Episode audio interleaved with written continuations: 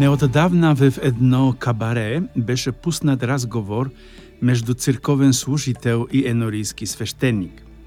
Енорийският свещеник изглежда изгубен е, в света на съвременните технологии е, и моли сакристиянина, той е църковен помощник, е, който работи в църквата, да му обясни какво представлява тази магическа дума Wi-Fi – ali po našem brezžičen internet.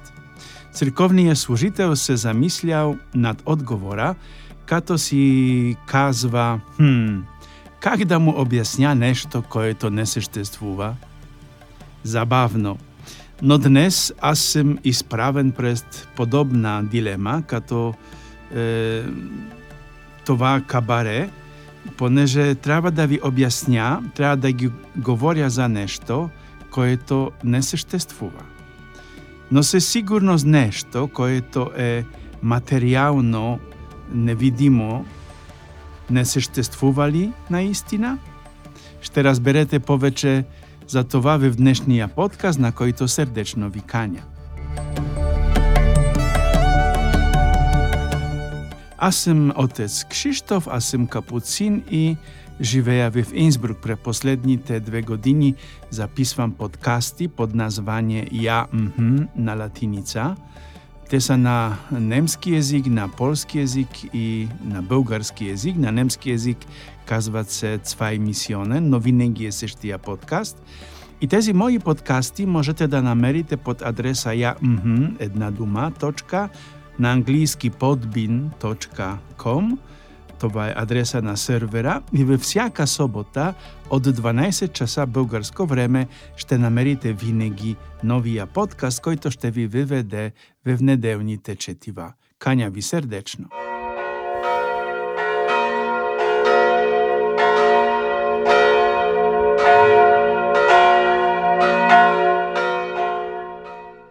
Но и така, този Wi-Fi е неосъзнаем, но всички знаем, че съществува, защото благодарение на него мобилните ни телефони работят в виртуалния свят, който ние наричаме интернет.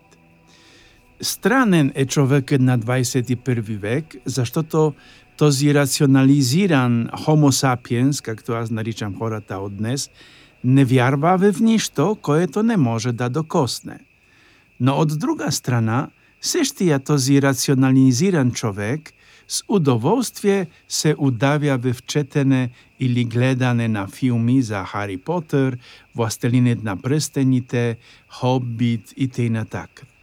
Edin različen svet, който не съществува. Такъв е човешкия абсурд – Dejstwie to na dnešnji teče tiva v starija i novijat zavet se razvivat imenno v edin nematerijalen svijat. V knjigata ishod Mojsej razgovarja z nevidimijat Bog Jahve, който води избраният Бог Яхве, води избраният народ от Египет към обетованата земя и през нощта е като формата на огън стълб, а през деня под формата на облак. Но евреите искат да виждат Бога. Затова Бог създава в историята на Израил пророци, т.е. хора, чрез които Бог ще говори на своя народ. Ако някой не се вслушва в пророците, Бог ще държи такъв човек отговорен и ще си вземе сметка от него. Ако пророкът не предава вярно откровенията и говори от себе си, такив пророк трябва да заплати с живота си. Такива са Господни условия. Нека сега да разгледаме как първото четиво се реализира в нашето време. Ако, скъпи братко и сестро, слушаш и четеш Божието Слово, но не го изпълняваш в живота си, Бог ще те потърси и ще ти потърси сметка своевременно. И за нас, свещениците и епископите, е писана смърт, ако не предаваме вярно Господното учение, а правим свои тълкувания и така получаваме хората. Ето, толкова за първото четиво, ясно и конкретно. От друга страна, Евангелието ни представя невидимия свят, така наречен свят, който не може да бъде видян, но в действителност съществува, като Wi-Fi – тук имам предвид света на демоните, който Исус изгонва от обладените хора. Тези демони, или както ние ги наричаме дяволи или сатана, разпознават в Исус обявеният Спасител и Божият Син, поради което Исус им забранява да говорят и им заповяда да мълчат, защото самите хора трябва да разпознаят в Исус обещаният Месия. Откъде Сатана знае кой е Исус? Нека ви напомня, че Сатана е ангел, който е пребивавал пред Бога. Той е създаден от Бога преди материалният свят. Затова, че искал да бъде наравно с Бога и не му се подчинил, Сатана е бил изгонен от рая и хвърлен на място, което наричаме Ада – И някои от вас сигурно си мислят сега, че говоря за приказки от типа на Хари Потър или Хоббит. Е, не е така. Говоря ви за нематериална реалност, като Wi-Fi, която съществува и която работи срещу човека. Защото дяволът е отхвърлил спасението и живота – в Божието присъствие и до ден днешен работи и прави каквото може, за да разубеди човека от желанието му да бъде с Бога. In, diawoł nie ma interes da nie odniemy żywota, tak jak to nie w różnych filmy, czy diawoł ubiła chora. Nie. Diawoł ma interesa dani nie odwlecze, macie nie nije dobrowolno da se odkažem od Boga. To i taka nie powlijava, zada nije takova wreszenie w zemę. Mnogo chora w sewremenija świat sa owładani od demoni, no ošte poveče chora dobrowolno se podčinjava na własta na demona. Najgolemijat uspech na djawołae, czy svetydna inteligentni te chora, ne wiarwa w negowoto sysztestwowane. Размиването на границите между добро и злото е това е, което дяволът прави толкова последователно.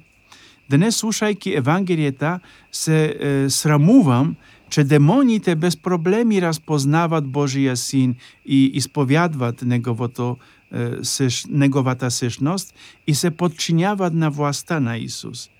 От друга страна, толкова много хора днес – все още не могат да видят Спасителя в Христос.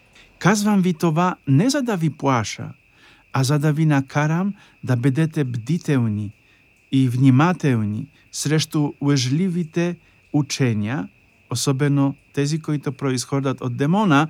И тук ви казвам вече ясно, всички гледачки, всички е, пророчества от някои хора, е, всички хороскопи и тему подобни – происхождат от дявола.